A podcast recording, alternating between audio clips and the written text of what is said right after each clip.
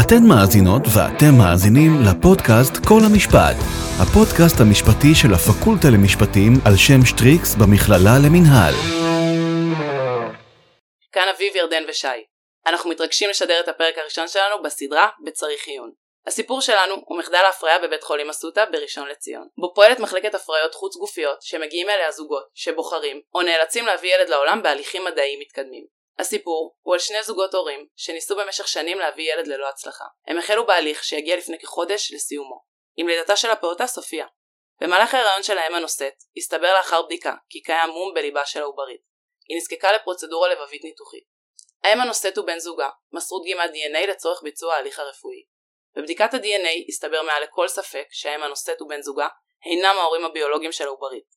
בבדיקת DNA שנערכו לעשרות זוגות שעברו את תהליך ההפריה החוץ גופית באסותא, אותר זוג שהסיכויים שהעוברית שלהם הם גבוהים מאוד.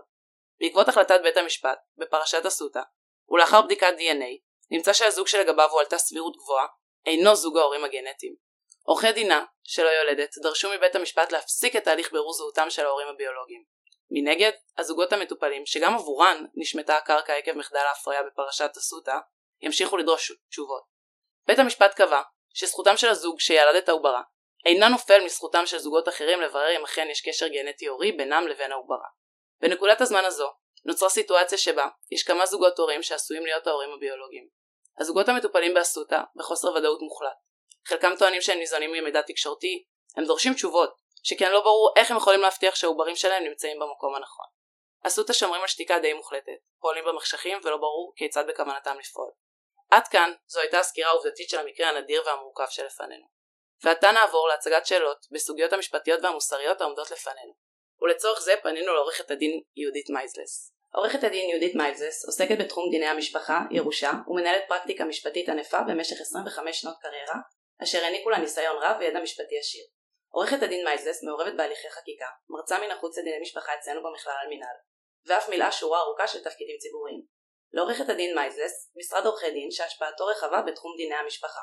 כך למשל, משרדה הביא לפסק דין ראשון של בית המשפט העליון בפרשת בג"ץ ממ"ט, שבה בהרכב מורחב של שבעה שופטים הכיר בית המשפט העליון לראשונה שלילד יהיו שני אבות בעלי זכויות שוות, וכך יצר לראשונה הורות משפטית שתהווה לראשונה את המושג צו הורות משפטי.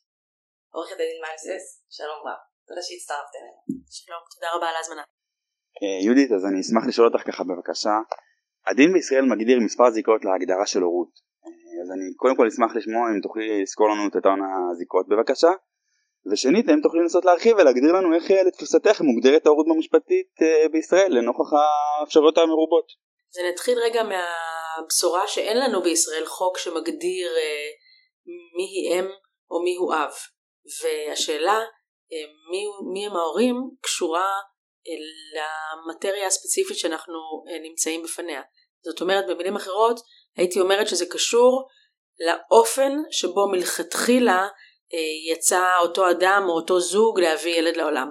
אז לצורך הדוגמה למשל אם בני זוג נדרשים להליך של פונדקאות כדי להביא ילד לעולם אז אנחנו ניגש לחוק הפונדקאות שמגדיר בעצם שאותה אם יולדת למשל היא לא תירשם כאימא, אלא דווקא הזוג המיועד שבעצם יצא לדרך בהליך של הפונדקאות. מצד שני, אה, אם אנחנו נסתכל על אישה שצריכה תרומת ביצית, אז אנחנו ניגש לחוק שנקרא חוק תרומת ביצית, ואז אנחנו נמצא שהאישה שיולדת את הילד, שהיא זו שקיבלה את תרומת הביצית, היא דווקא תירשם בתור האם, האם סליחה, ולא בעלת המטען הגנטי, בדיוק הפוך מהדוגמה הקודמת.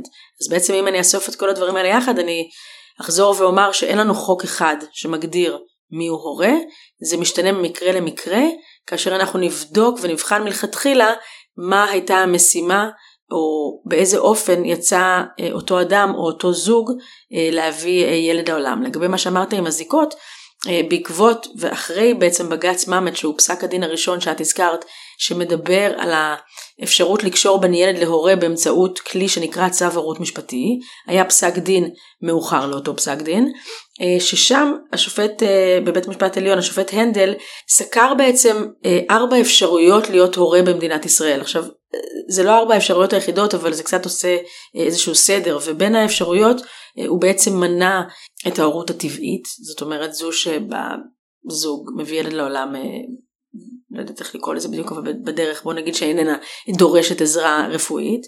אה, הוא מנע למשל את האפשרות לאימוץ, לאמץ ילד כדרך או דרך חוק האימוץ.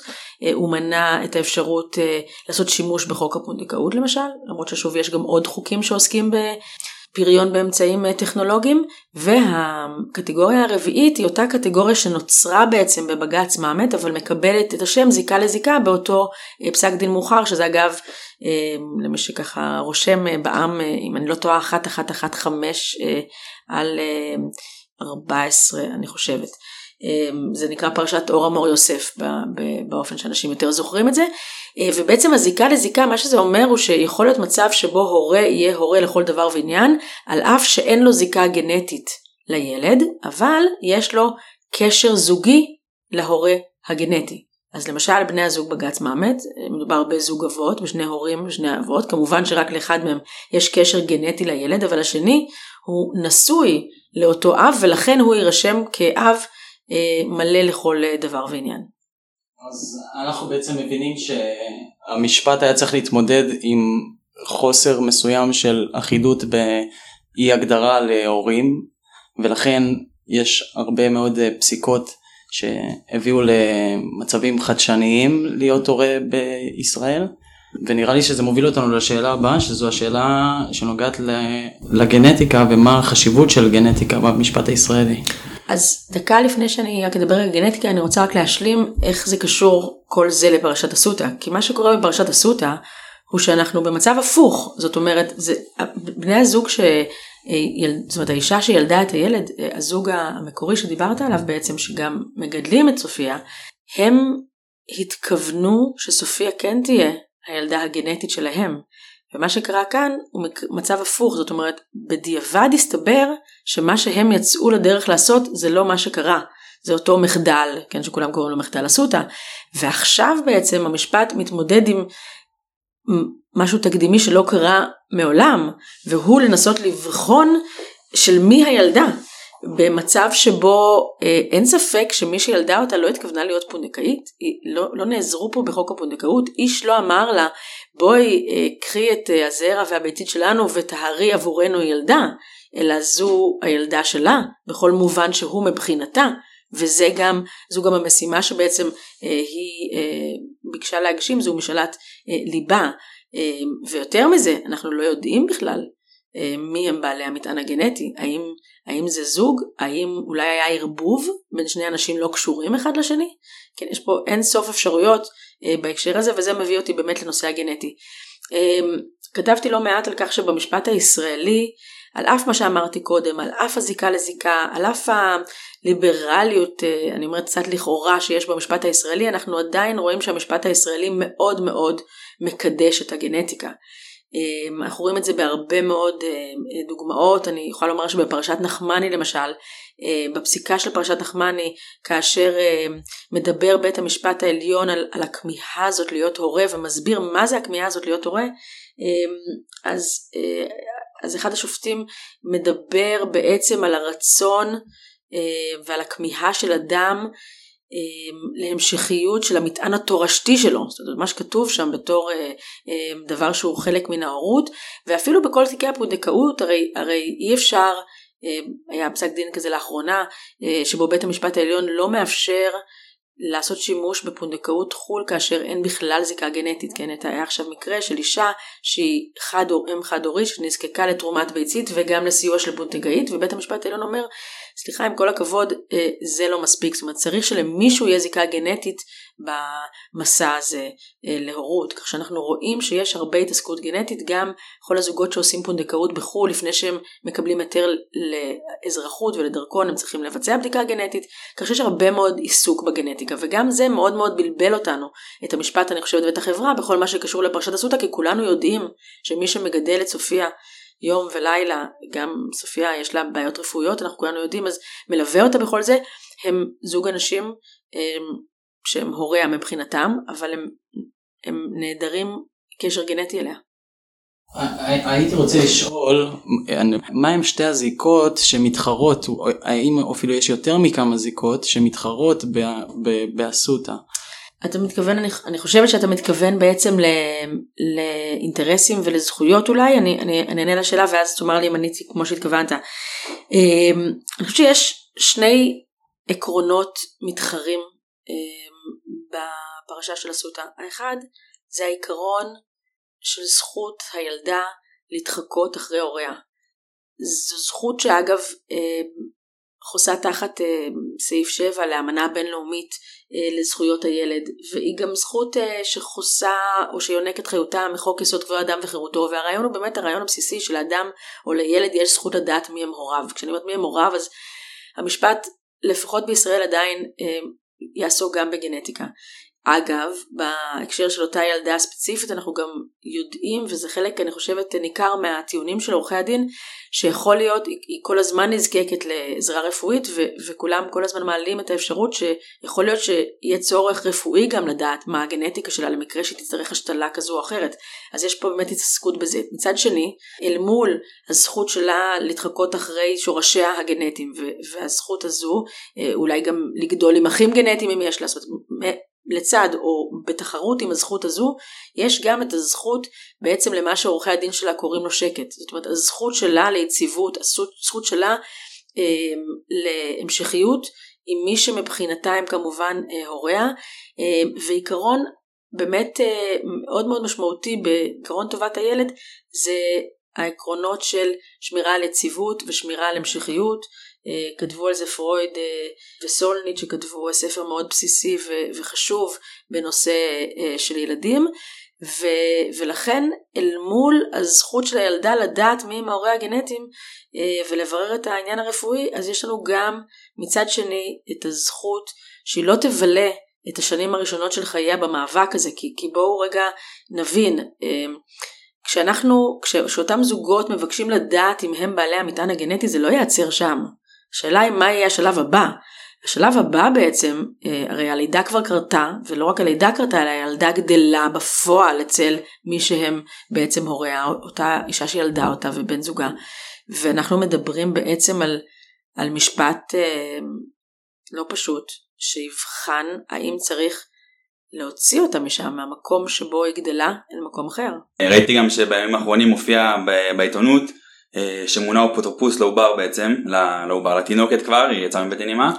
אה, מה, איך זה מתקשר לסוגיה הזאת בעצם על היכולת של ההורים לדרוש את טובת התינוק? אז אה, במסגרת הערעור שהוגש דווקא על ידי האם היולדת לבית המשפט המחוזי, עורר בית המשפט המחוזי את הצורך לדעתו במינוי אפוטרופוס לדין לילדה. אפוטרופוס לדין הכוונה עורך דין אמ, שייצג את האינטרסים של ילדה במובחן מהאינטרסים של האנשים השונים שהם או הוריה או טוענים שאולי הם הוריה הגנטיים. אה, והרעיון הוא באמת לנסות להתחקות אחרי שילוב של טובתה ולפעמים גם רצונה. בגיל הזה כמובן זה רק טובתה. אמ, ובאמת מינו אגב אה, שלוש אפוטרופסות אמ, אה, שיחד אמורות להיות מין צוות חשיבה שיפגוש את כל הצדדים וינסה להגיש איזשהו אה, אה, דוח או איזושהי חוות דעת לגבי מהי טובתה של הילדה בשלב הזה. מה עומד לנגד עיניהן של האפוטרופוסות האלה? אני חושבת ששוב מה, ש, מה שכל כך מרתק בפרשה הזו היא שאין תשובה טובה אה, ואולי אפילו גם שהמשפט לא באמת יודע לענות על הפרשה הזו, זו גם אולי הסיבה שהפרשה הזו נוגעת כל כך קרוב להרבה אנשים, לכל מי שיש לו ילד, לכל מי שחולם על ילד, לכל מי שעבר טיפולי הפריה, לכל מי שחושב על טיפולי הפריה, לכל מי שחושב מה יקרה אם לא יכול היה להיות ילד אולי שהוא לא מגדל אותו, זה משהו שמאוד מאוד נוגע ב, באמת ב, לא רק בתא האינטימי אבל בכל הנושא של פריון והולדה ואנחנו סך הכל חיים במדינה שמקדשת גם את הנושא של ילדים, אז, אז אני, אני, לא, לא מקנאה בהן. שאלה אחרונה לעניין הגנטיקה ונעבור אחרי זה גם לחלק הנוסף שזה אמנם דיברנו על מאמץ מקודם בהקשרים של uh, הזיקות שהתווספו uh, במשפט הישראלי ודיברנו גם על העניין הלכאורה כשאת כינית את זה ליברליות ואני יכול להבין למה כי האמת שבאותו פסק דין אז השופט ג'ובראן כותב שם דעת יחיד אמנם בדעת יחיד הזאת הוא מוצא את הגנטיקה כ...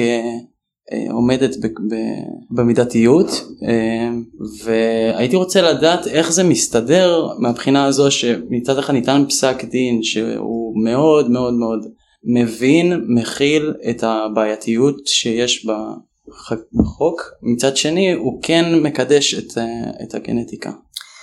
אני חושבת שהשאלה שלך היא שאלה מצוינת אני שואלת את עצמי את השאלה הזו הרבה. בג"ץ ממט בעצם עסק בבקשה של בני הזוג ממט שהם שניהם אה, יוכרו כאבות שווים אה, לילד, כאשר מה שהיה בעצם אה, לדיון היה חוק האזרחות, משום שהם ביקשו דרכון ישראלי לילד, ולפי סעיף 4 לחוק האזרחות, זכאי לקבל דרכון ישראלי כל מי שאביו או אמו ישראלים. עכשיו לא כתוב שם אביו או אמו הגנטיים, פשוט כתוב אביו או אמו.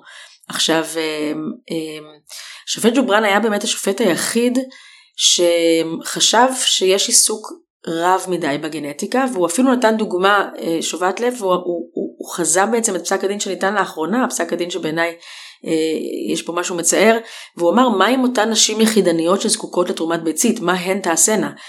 מה שקצת מוזר עם פסק הדין של ג'ובראן בעיניי זה שזה פסק דין מאוד מאוד, אה, הכי ליברלי שם בוודאי, מאוד אמיץ, אבל הוא לא עושה את האקסטרה מייל, זאת אומרת הוא, הוא לא בדעת מיעוט, הוא מצטרף לדעת הרוב ובעצם מה אומרת דעת הרוב? דעת הרוב בעצם אומרת שאחד מבני הזוג מוכרח לבצע בדיקה גנטית כי אנחנו מחפשים גנטיקה, כך שיש איזשהו פער בכל זאת בין אה, פסק הדין שלו, שהוא בעיניי באמת אה, שיר הלל אה, לזכויות הוריות שהן לא בהכרח גנטיות, לבין התוצאה הסופית. הייתי רוצה לקוות שבית המשפט העליון בהמשך יצעד יותר בדרך של השווה ג'ובראן, אבל לצערי אני חושבת שאנחנו צועדים יותר ויותר לכיוון הגנטי. אחרי שנגענו קצת בעקרון טובת הילד, הייתי שמחה להיכנס לזה קצת יותר ולהסתכל על זה מבחינה משפטית. כאילו בית המשפט יושב בסוף, ומה הוא מסתכל על עקרון טובת הילד? האם זה מבחינה פיזית? האם זה מבחינה רגשית? מה, מה העיקרון של ה... אז אחת הבעיות עם עקרון טובת הילד הוא שאף אחד לא יודע במה למלא את עקרון טובת הילד, ו- וזה מושפע ממה שאותו שופט או שופטת או אפוטרופוס או מומחה חושבים. כך שאין כאן תשובות נכונות. אה, אני חושבת אבל שאני כן הייתי מזכירה ש... אחת הפרשות שאפשר להסיק מהם או להקיש מהם או להיעזר בהם בכל מה שקשור לפרשת הסוטה זה הפרשה של תינוק המריבה ואני אומרת תינוק המריבה השני זאת אומרת זה משנת 2016 ואני רגע רק אזכיר ממש בקצרה על מה דובר שם. שם דובר על uh, נערה בעצם שילדה ילד uh, ללא זוגיות uh, והיא מסרה את, את הילד לאימוץ אה, כאשר בהליכי אימוץ כאלה מוסרים במעטפה סגורה שאסור לפתוח אותה את שם האב, זאת אומרת היא ידעה מה שם האב. אה, היא לא הודיעה לאב שנולד לו ילד אה, והיא מסרה את הילד לאימוץ. ואז עכשיו על פי, על פי החוק, על פי חוק האימוץ, הרווחה צריכה לעשות צעדים מאוד מאוד אקטיביים על מנת לנסות לאתר את ההורה הגנטי, שוב שימו לב לחשיבות של הגנטיקה, היא אמורה לפעול תוך חודשיים והאב יכול בעצם להתחרט על האימוץ תוך שישה חודשים. העניין הוא שחלפו שישה חודשים מבלי שהוא אותר בכלל האב והוא לא ידע שנולד לו ילד, הוא הגיע אחר כך ממש במקרה דרך הפייסבוק הוא גילה שהוא בעצם עשה איזשהו חיבור וקלט שנולד לו הילד ואז החלו הליכים.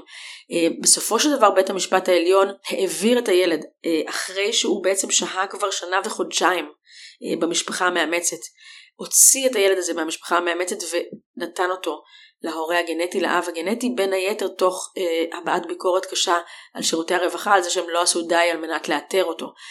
והסיבה שאני בכל זאת, כמובן שעורכי הדין של הזוגות שמבקשים היום את בדיקת ה-DNA מזכירים את אותו, אותה פרשה, משום ששוב הפרשה הזו אה, מדגישה את העניין הגנטי. אז אם שאלת מה זה טובת הילד, תלוי את מי את שואלת. אם תשאלי את בית המשפט העליון בפרשת תינוק המריבה, אז הם, את, את רואה ש, שהם יאמרו לך אולי שיש חשיבות לקשר הגנטי. מה יהיה בהקשר הזה מאוד קשה לדעת, ואני גם לא יודעת אם ימצאו את ההורים בעלי המטען הגנטי. בעינייך יש הבדל כזה בין האם היולדת לבין זוגה, ואם כן, מה ההשלכות? אמ, אז אני חושבת שאחד הדברים שפחות מדוברים בהקשר של פרשת הסוטה, כולם מדברים על האימהות, קצת פחות מדברים על האבות.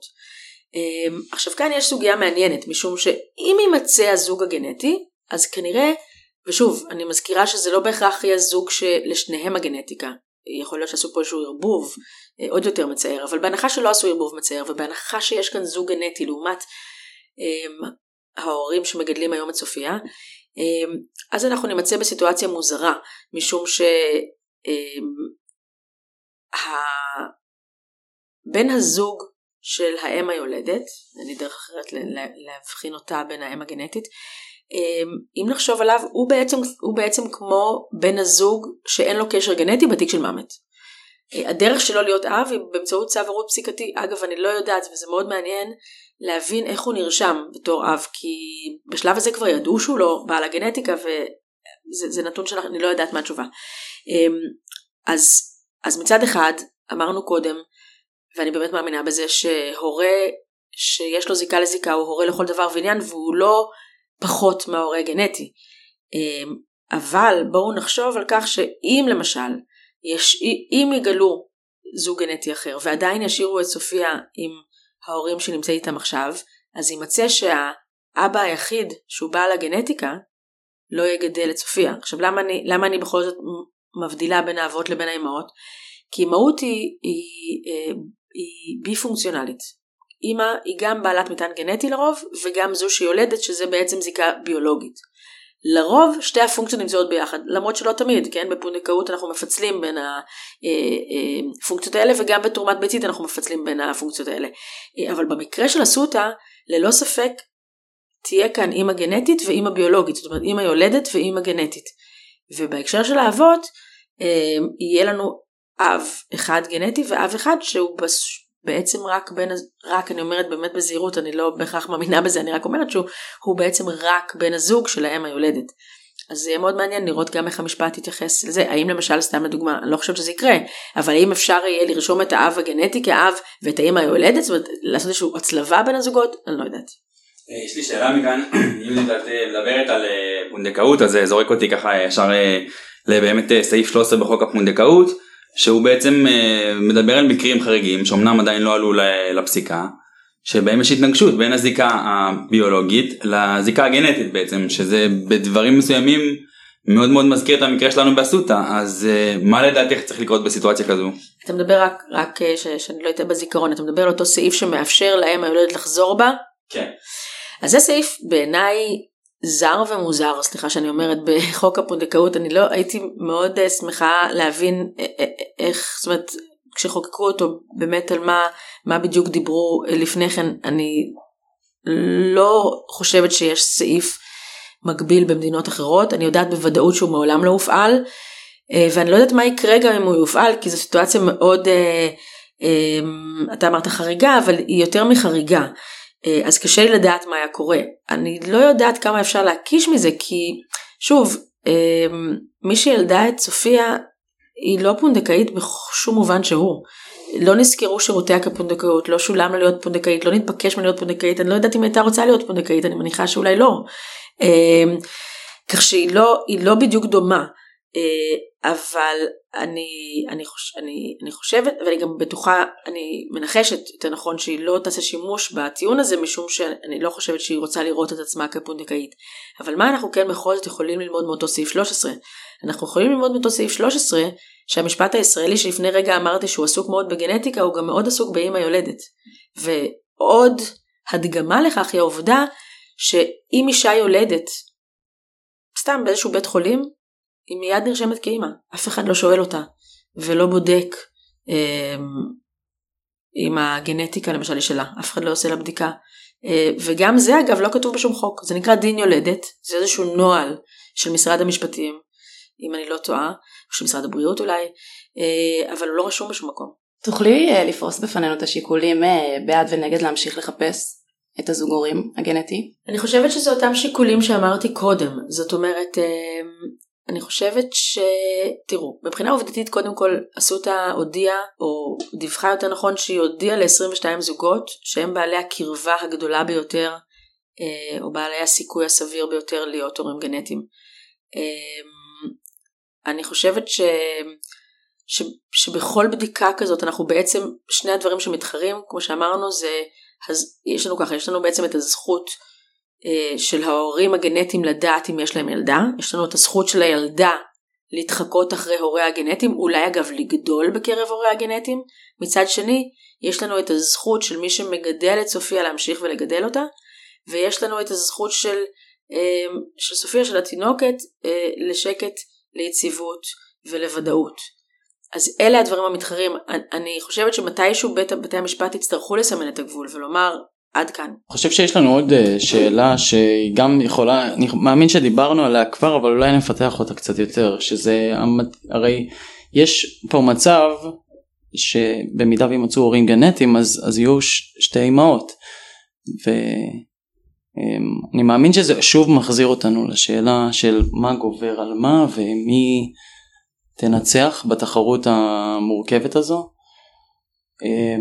אז הייתי רוצה לדעת איך יכול להיווצר, אם תוכלי להסביר איך יכול להיווצר אה, שתי אמהות ומה מה קורה בסיטואציה הזו. אז תראו, קודם כל, יש תקדימים בעולם ליותר משני הורים. בישראל, אה, אמ, בישראל לא מוכנים להכיר במצב שבו יש יותר משני הורים, אבל במדינות אחרות, למשל בקנדה בשנת 2007, במדינת אה, אונטריו, הכירו לראשונה בשלושה הורים לתינוקת, וגם במדינות אחרות אגב היו כבר תקדימים לעניין הזה. כאן בישראל אגב הייתה הצעת, הצעה לתיקון חוק הכשרות המשפטית והאפוטרופסות, והציעו לאפשר מצב כזה, ו, ו, וזה לא עבר. אה, אגב, שלושה הורים יכולים להיות שלושה הורים עם זיקות גנטיות ביולוגיות, וזה גם יכול להיות הורות משותפת ובן הזוג נגיד של אחד ההורים. יכולות להיות לזה הרבה מאוד אה, קונסטרוקציות. אה, אבל לשאלתך, אני חושבת שכרגע אה, המשפט אה, אה, זאת אומרת, בתחילת הדרך המשפט היה עסוק בתחרות בין ההורים האפשריים. וככל שהתינוקת אה, גדלה, ואנחנו יכולים לראות את זה גם בהחלטה למנות לאפוטרופוס, אני חושבת שהמרכז הכובד יעבור לדבר מהכיוון של הילדה. אני חושבת שאנחנו נפסיק, או המשפט יותר נכון, יפסיק להתעסק אה, בזכות של, ה, של ההורים ויותר במה טוב עבורה. עכשיו, אני חושבת שבמובן הזה, אה, אני מנחשת שכן יאפשרו לזוגות הנוכחיים לבצע את הבדיקה הגנטית, אני לא, אני לא חושבת שיעצרו את זה, אני לא יודעת, כן? אה, אבל אני, אני חושבת שישימו גבול אה, למעגלי הבדיקה. אה, ואני חושב, אגב, רק אני אגיד שאחד הדברים שנידונים בבית המשפט, לפי חוק מידע גנטי, סעיף 28ו אם אני לא טועה, על מנת לבצע בדיקה גנטית בניגוד לרצון ההורה, כי האמא היולדת לא מסכימה שתהיה בדיקה גנטית, צריך שיהיה סיכוי סביר שמדובר בהורים. אז כן יהיה, אה, כן תהיינה חקירות וכן תהיה, אה, יהיה ניסיון להבין אה, עד כמה יש סבירות שהאנשים האלה הם באמת אה, הורים אה, גנטיים. אה, ושוב אה, לשאלתך, אני חושבת שאם אה, יימצא זוג בעל המטען הגנטי, אז אני מנחשת שבית המשפט אה, לא יאפשר שיהיו פה יותר משני הורים, יצטרכו לבחור. ולדעתך איך זה יסתיים אם ימצאו את הזוג הורים הגנטיים? אם הייתי יכולה לחשוב מה בית המשפט יחליט. אמ, אני לא יודעת לומר. אני יכולה לומר שבמובן מסוים אני חושבת שגם אני ואולי עוד, אולי, אולי גם בית המשפט מקווה בסתר ליבו שהם לא יימצאו. אבל יכול להיות שאני, אה, יכול להיות שאני מקדימה את המאוחר ו, ואני חושבת ש...